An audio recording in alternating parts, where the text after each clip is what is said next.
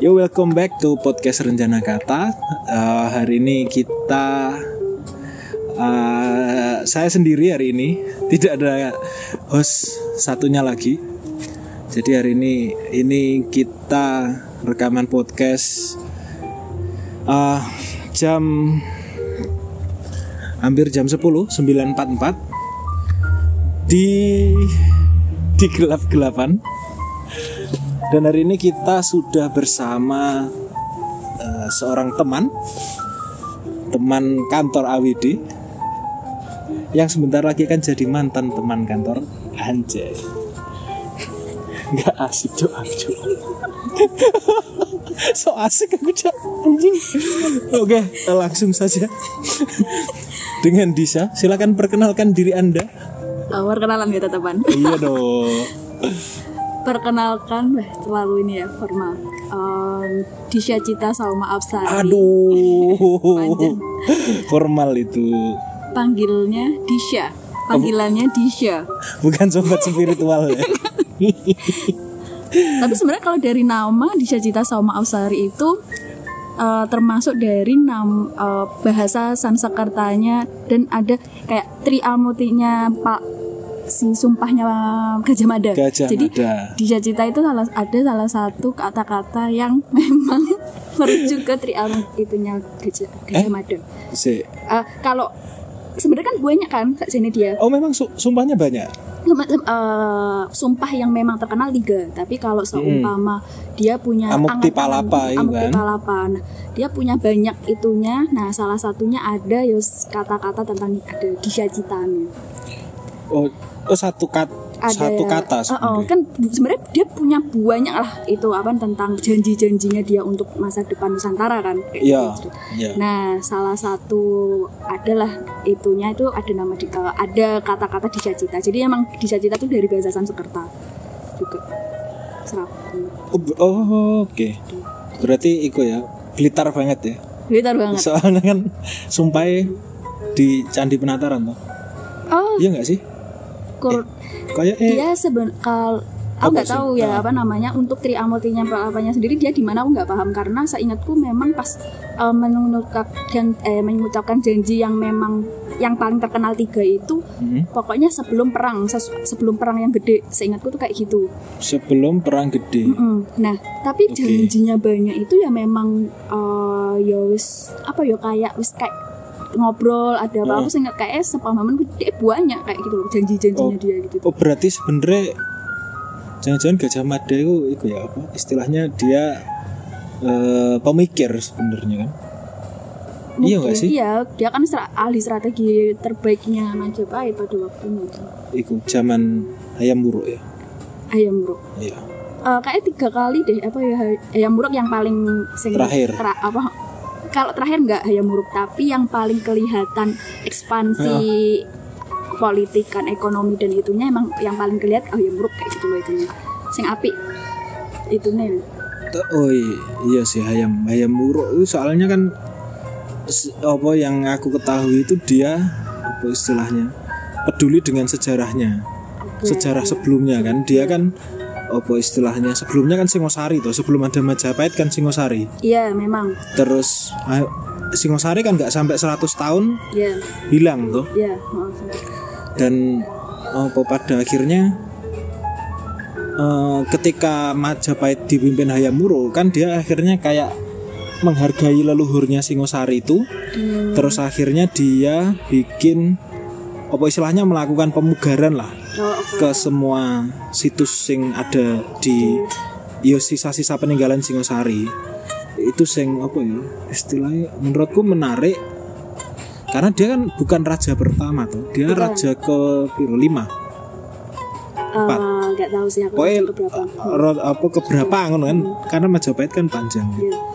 tapi berarti Gajah Mada lebih dari mengabdi ke lebih dari satu raja. Saya ingatku gitu. Masalahnya kan sampai setelahnya Hayam Wuruk nggak salah ke Trenggono nggak sih yang akhirnya ada perang Perpecahan, saudara. Perpecahan iya. itu itu kan masih Gajah Mada. Nah, matinya Gajah Mada kan ya pas ya Trenggono tuh ada puncak-puncaknya kan. Nah, Hmm. sep- ya pas tengah-tengahnya Trenggono lah pokoknya seingatku, seingatku ngono. Nah, ada lagi memang kemarin kok ya pas ya kalau memang ngomongin Majapahit sempat kemarin baca. Jadi emang yang ba- babat tanah Jawi. Babat ya babat tanah Jawi. Aku memang bukan tipe kalau orang yang baca panjang tapi kayak Oke. oh pas lagi buka aja jadi sempat memang kan eh ini agak flashback banget ya tentang Hmm. Singosari Ken Arok. Jadi eh, Ken Arok itu sebenarnya adalah raja yang sangat eh, fenomenal kan dia itu bukan ada garis ta- apa namanya darah biru ya dia tapi dia bisa dari memimpin. kaum proletar Nah, lah ya dia kan kalau cerita-cerita banyak itu kan memang yang beredar dia itu eh, membunuh membunuh ini kan membunuh Tunggul Ametung, Tunggul Ametung. karena dia seneng sama Candides Kendedes ceritanya kan gitu di banyak literatur, Literatur kayak iya literatur itu. sejarah SMA kan arahnya ke situ Hmm, dari situ. Nah, eh, sebelumnya dia menikahkan Dedes, dia tuh juga punya istri. Intinya, dia tuh sudah Oh. punya istri. Ini ada Oke, versi. ada satu versi yang kayak lain. gitu. Oke. Hmm. Jadi a- si Ken Arok tuh punya dua istri. Nah, di dua istri ini eh, dia punya anak, dia punya dia punya anak. Nah, Hmm. eh, Singosari itu eh, setelahnya Ken Arok, kalau emang aku nggak salah ya kemarin, Hmm. itu nggak ke garis istri yang pertama, tapi istri yang kan Dedes.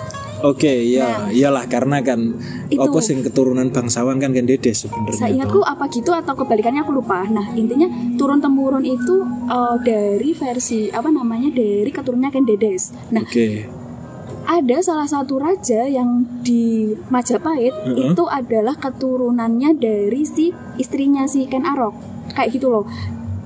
Si- Aku lupa, Berarti ada raja raja Raja Majapahit. Majapahit keturun mas apa Masih satu garis Mm, satu keturunan garis sama Ken Arok. Sama Ken Arok. Oke. Jadi eh hilangnya Singosari itu ekspansinya kan ke Panjalu eh kok Panja, ke Kediri dulu.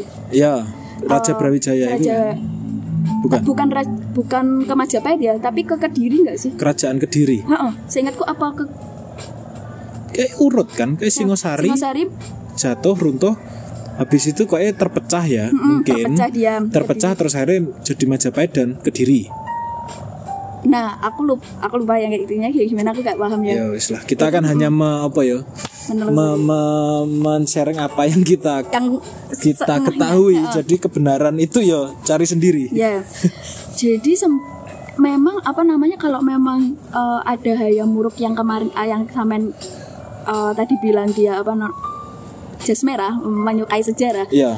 Aku malah tadi relate kayak yang sempat emang aku baca eh, sempat ada di eh, salah satu raja di Majapahit yang akhirnya kalau ditelusuri dia itu masih ada keturunan eh, Ken Arok tapi bukan versi Ken Dedes kayak gitu loh.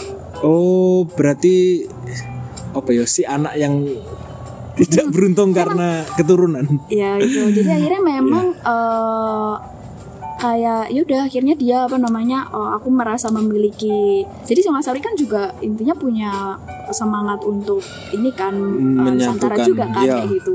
Nah kayaknya yuk pas lagi di hmm, Majapahit itu yang baru, bisa apa namanya ketika. Raden Wijaya itu kan. Iya sih. Dan ya secara kebetulan kan Blitar itu jadi tempatnya tiga kerajaan pernah diituin iya apa istilahnya eh, tempat peristirahatan para raja? Para raja Iya. ya menyikapi itu gimana? Karena kan ya kayak istilahnya em, ketika dipilih Blitar kayak misalnya ada candi penataran ya salah satu kayak sampai hari ini menjadi candi salah satu candi terbesar di Jawa Timur. Ya walaupun sekarang kan yang lagi di apa di di ekskavasi apa istilahnya di Mojokerto apa di Jombang itu kan ada yang lebih besar lagi Oh, istilahnya trawulan ibu kota kerajaan Mojopahit kan ya berpindah-pindah ya tapi kan yang jadi menarik itu kenapa kayak makam pendiri Majapahit Raden Wijaya itu di Blitar. Blitar. Terus salah satu candi terbesar di Jawa Timur itu di Blitar di Candi Penataran. Walaupun kita bilang itu besar karena mungkin ada yang lebih besar tapi belum ke ke apa ya istilahnya belum ketemu aja sama sama zaman sekarang. ya Tapi kan kayak Candi Penataran itu yang terbesar dan sempat ada satu cerita kalau sumpahnya Gajah Mada itu yang paling populer itu di Candi Penataran. Dan yo setelah itu berta- beratus tahun kemudian makam Soekarno pun juga eh, ditaruh di Blitar. Nah itu gimana menurutmu? Kenapa Blitar ini terasa lebih apa ya spiritual? emang sempat pernah kemarin tuh eh, lagi bahas tentang eh, museum Gunung Kelut ya kan Museum, oh ada museum Gunung Kelut. untuk sekarang existing ada di Kediri Oh Nah, Kediri, mm. oke. Tapi pas itu memang ada tugas untuk me- eh, membuat master plan eh, museum Gunung Kelut. Nah dalam membuat master plan biasanya kita konsep kayak gitu kan. Nah konsep itu akhirnya kan aku mencari tahu apa sih sejarah dari uh, mungkin kediri atau intinya di Gunung Kelut itu. Karena nanti posisi di, si museumnya itu akan di ya yang existing itu di Oke. kediri itu.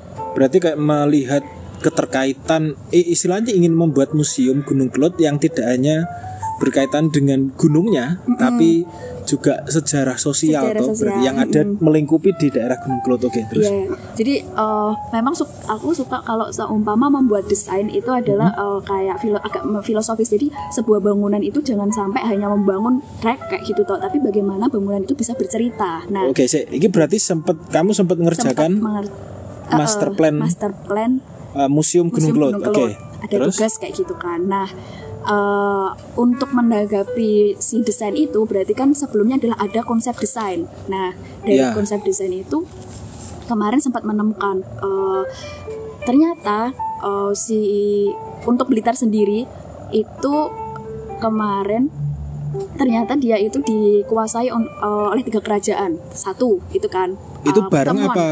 Enggak, enggak bareng, tapi Pernah? pernah gitu Ya, kan. oke. Jadi satu temuan eh, kediri aja nggak sampai yang apa namanya eh sampai banyak. Jadi so, eh, kediri untuk wilayah kediri saja dia tuh cuman kediri toh.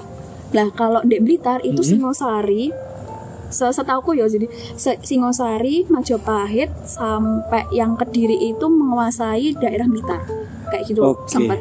Nah Daerah Blitar, daerah, Daerah- kota lah ya berarti ya. ya da, ya intinya Blitar itu ya Blitar kabupaten Ya, kota ya sih, ya, ya. itunya kan nah itu wah potensi banget ya karena nggak semua kota di Jawa Timur itu bisa dikuasain sampai tiga generasi kayak gitu Tiga Apa, generasi kerajaan lah ya. Mm, Ya, oke. kayak gitu itu satu terus yang kedua dia eh, si Kelut sendiri punya itu sendiri ya apa namanya eh, punya cerita tersendiri ya di situ Hmm. jadi eh, untuk agama Hindu dia itu pasti punya eh, tempat untuk jadi pusatnya dia kayak gitu. Oke, kayak ikulah ya.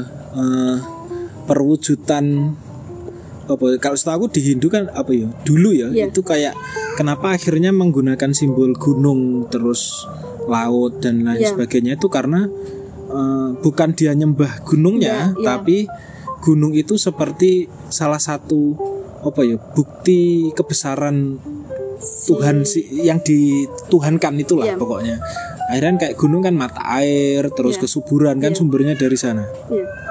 itu gimana terus Nah, jadi makanya apa namanya kenapa Blitar dipilih terus Hmm. atau jadi di Jawa Timur sendiri kalau aku melihat untuk kesakralan eh, untuk gunung kayak gitu ya itu Hmm. tuh kayaknya ada di salah satunya ada di Kelut kayak gitu loh. Jadi kayak untuk kalau seumpama Islam apa namanya si kiblatnya itu di Mekah Mekah terus Ya. seumpama kalau di Bali itu dia punya Gunung Agung. Nah, Hmm. di Jawa Timur sendiri untuk tiga generasi yang itu tadi Hmm. uh, itu kalau memang ditelusuri itu uh, dia mengarah kiblatnya ke Gunung Kelut. Nah, ditunjukkannya di mana? Nah, ada banyak uh, relief dan candi-candi yang memang berada di sekitaran Blitar dan Kediri kayak gitu. dan posisinya kayak mengarah Memang ke iya memang Oke. Ya. karena uh, kiblatnya itu kayak gitu loh.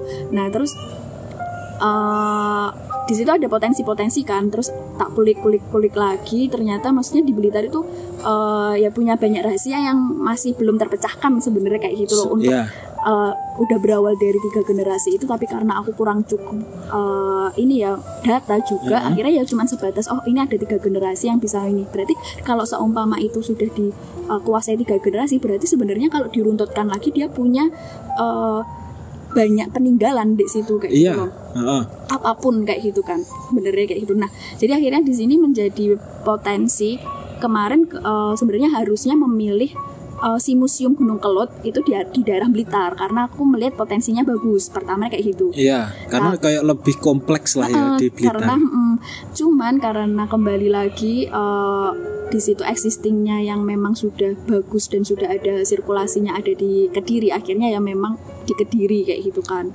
Secara ikulah ya, Secara, apa ya, mm-mm, politis. politis, Karena kan oh. jalan ke Kelut itu yang bagus itu dari Kediri. ya kayak gitu Iya kan kan sebenarnya. Ya sebenarnya sebatas-sebatas itu aja sih yang eh, sempet sebenarnya banyak tapi kayak aku nggak bisa menjelaskan karena itu hanya kayak data yang dari internet kayak gitu loh dari Data-data sing apa istilahnya validitasnya sendiri masih Mm, apa ya kayak logis gak gitu kan. Yang kayak ceritanya dibalik ceritanya si Gunung Kelot sendiri dan yang lain-lain Iya. kayak gitu loh jadi aku ya paling untuk potensi yang paling besar untuk Blitar sendiri itu adalah itu nah terus terlepas lagi kenapa kalau kita runtut lagi eh, kalau dilihat candi itu bentuknya eh warna materialnya itu ini agak meloncat dikit ya Mm-mm. jadi eh, materialnya pakai batuan kali Iya batu kali. Nah itu Eh, itu kan memang menanggapin karena dia di dekatnya si gunung, akhirnya material yang memang ada adalah Hmm. gunung kali, eh batuan kali, Batuan kali. akhirnya dia membuat itu. Nah Ya. itu ternyata memang lebih eh, tanpa sadar itu eh, lebih kuat kayak gitu loh, material Materialnya. itu. Dan akhirnya makanya yang bisa sampai bertahan sampai sekarang itu material-material yang, Yang batu pakai kali. itu. Ya. Nah, makanya eh mungkin pada saat Majapahit dia Mhm. itu sebenarnya kebanyakan adalah menggunakan material-material yang dari kayu, dari batu bata. Sebenarnya eh, Oke. mungkin jadi eh makanya kalau seumpama dilihat itu peninggalannya Majapahit itu nggak terlalu banyak karena memang dia itu daripada Singosari sama Kediri ya kalau di. Kediri itu kan batuannya semuanya batu kali batu kali dia nggak pernah ada yang menggunakan Bata merah. bata merah Ya. hanya pada saat Majapahit aja sendiri Oke, itu kayak Itu aku sempet apa ya? Ada ada kayak cerita yang relate dengan itu. Kenapa akhirnya Majapahit itu memilih pakai batu merah? Iya. Karena kan dia besar tuh. Iya Otomatis kan material untuk bangunan kan pasti perlu banyak. terlalu banyak ya Dan waktu itu kalau nggak salah, akhirnya dibuatlah si bangunan dengan sistem batu merah karena itu lebih mudah diproduksi daripada Iya. dia eh, batu kali. Iya makanya sing de- di Jombang itu sing apa yang baru sekarang masih di proses ekskavasi itu itu dia batu bata merah tapi kualitasnya itu beda dengan bata merah eh, sekarang. bata merah sekarang. Dia kayak lebih padat gitu. Hmm, nah tapi memang secara sejarah karena ya itu kalau dia bangun posisinya kalau yang di situ-situ ya Hmm. set- setahuku ceritanya itu dia jauh dari untuk mendapatkan material, Material batu, batu kali, kali, ya. akhirnya dia pakai bata merah pasti kan kayak tapi gitu di Candi Penataran kan batu kali kan, ya. batu kali memang full batu. Full batu Oh, kali. Kecuali yang di Pemandian, Pemandian kan ada tuh di Iya, belakang. Pemandian. Hmm, hmm. Pemandian kan kayak bata merah. kolam kolam kolam Kolam, iya kolam kolam paling Petir- itu tak Itu petirtaan apa sama ya? Pertirtaan pernah Pemandian. eh apa, pertirtaan ya paling pertirtaan Iya. sih kayak buat itu tapi sebenarnya kalau untuk candi sendiri kalau memang di eh, dilihat fungsinya dia itu memang untuk menaruh abu kebanyakan kalau seumpama di Iku, sini pendarmaan. meditasi, pendarmaan Tempat pendarmaan. dia eh, jadi untuk untuk eh, wilayah Jawa Timur ini kayak kebanyakan memang untuk apa ya itu ada simboliknya dia jadi Iya. itu bukan kerajaannya kayak gitu loh Iya, di Trawulan sendiri kayak monumen tuh. ya itu sebenarnya monumen nah itu akhirnya di situ kan eh, sebenarnya titik letaknya sebuah kerajaan akhirnya kan masih kayak belum pasti kayak Belum gitu. pasti. belum pasti itu di mana karena memang tidak ada jejaknya kayak gitu loh itunya jadi je- Ya Trawulan itulah mungkin salah Oh, satu. Cuman yang- kan ya di banyak literatur di selama Majapahit berdiri itu kan ibu kota sempat berpindah beberapa kali kan karena bencana alam itu kan. Terus ya akhirnya ketika ya ketika lihat eh, candi apa di Singosari Malang Malang eh, yang itu itu kan juga tempat tempat pendarmaan. tempat perdaman dan ada abunya itu Wadah. ada ada abu pasti ada abunya di situ tuh kayak memang apa ya eh, dia membuat sebuah candi Heeh. kalau ndek Majapahit itu emang tempat abunya siapa aku lupa tapi ada tapi Ditanam berarti ya. Eh, jadi ada apa namanya si yo kan kalau sendiri Hmm. misal Singosari lah ya masuk ke kan dia candinya kayak cuman satu bangunan tapi kan gede tinggi karakternya Iya. terus yus ada kayak pintu pintu ya pintu terus masuk ke kayak ruangan yang lebih besar lah daripada Hmm. si pintu itu terus kayak ada batu di di Hmm. tengah kayak uh, mungkin kayak bisa jadi kayak tempat semedi dan Iya. sebagainya kayak kayak med, med, meja ya kayak mirip meja lah Iya.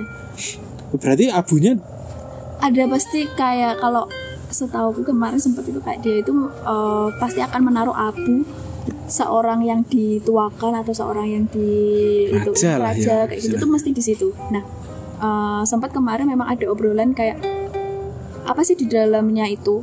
Kayak jadi ya, kita di- masuk dalam itu tuh apa? batu candi. Candi itu apa aja? Itu tuh kan eh, emang juga sempat eh, menjadi itu kan tempat persembahan juga kan. Nah Ya. di situ tuh memang eh, ada Brahma Wisnu Trimurtinya Trimurti si Hindu itu Hindu. juga kayak gitu loh. Tapi juga ditambahkan di situ emang tempat makomnya si raja itu. Kebanyakan yang setahu tuh kayak gitu kalau emang nggak salah loh yo oke. Jadi memang membuat itu tuh yo eh, sekalian naruh ada abunya Oh, yang berarti kayak bangunan yang ke, apa candi yang kecil terus bangunannya tinggi itu kayak ke- kemungkinan besar dia makam ya tapi kan kalau candi penataran sebenarnya kan bukan enggak. makam tapi menaruh abu Iya, tempat- eh, tempat pendarmaan lah pen- istilahnya. kayak gitu Hmm. kalau di candi penataran kan banyak sih sebenarnya dia fungsinya kan ah, kayaknya nggak hanya untuk apa istilahnya eh, nggak hanya untuk pendarmaan tapi lebih ke tempat apa ya mungkin belajar me- mengolah rasa lah istilahnya kan. Makanya kalau di candi penataran kan dia kayak ada ruangan mungkin kalau dulu mirip kayak pendopo. Hmm, hmm, hmm. di di bagian depan. Depan. Dan uniknya eh, pintu masuknya kan ngarah ke utara tuh posisi si Gunung Kelut kan. Iya iya. Bangunannya kan ngarah ke utara. Terus kayak eh, dia ada beberapa tingkatan sing ketika setelah masuk kayak pendopo itu kan makin ke dalam kan kayak ada tempat apa sih istilahnya? Undakan gitu. Undakan-undakan sing kayak akhirnya jadi Ada kayak tiga lantai oh, ada reliefnya. ada ya ada ceritanya. Dan kayaknya itu juga belum bisa diterjemahkan semua. Oh reliefnya. Ya oh, kayak Oh. kayaknya lah setauku ya kayak untuk yang di ini ya di mas Ya. cepatnya itu ya. di, di candi itu. Di candi itu ada ini enggak sih Rama Sintanya enggak sih itu ceritanya? Ada Rama Sintanya gitu? Seingatku kayak lebih ke cerita cerita-cerita kayak tingkatan spiritual. Oh. Dia apa kehidupan dunia duniawi itu seperti apa terus ketika dia mulai melepaskan duniawi kayak cerita-cerita kayak yang bawah-bawah itu reliefnya lebih mengarah kayak ke perang. Oh oke orang. Terus makin naik makin naik kayak dia berubah reliefnya dan aku mel- sempet di situ melihat itu ya bajunya unik. Ada satu relief itu yang bentuk bentuk orangnya bentuk bangunannya itu eh, tidak seperti apa yang digambarkan di, di film tentang pakaian-pakaian kerajaan zaman dulu. Dia kayak pakaian mungkin lebih kayak adat mirip kayak adat Papua. Hmm, terus kayak mirip adatnya Meksiko kayak Aztec hmm, makanya aku pikir oh, ke- kenapa dia bisa ada referensi itu? Makanya aku mikir oh jangan-jangan dulu Majapahit itu sudah seluas itu. Oh, oh, sudah hubungan-hubungan apa istilahnya hubungan kepolitikan dan iya mungkin politik perdagangan itu wis wis tidak hanya dengan tanah Jawa lah istilahnya. Ya pasti pasti.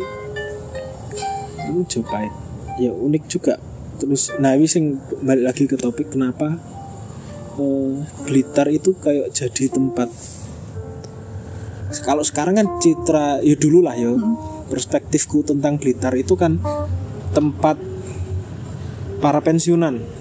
Oh oke. Apa ya? Tempat untuk tempat untuk menenangkan diri. healingnya ya, Healing, ya, self healing. self healing Se, ini kita ada suara-suara mobil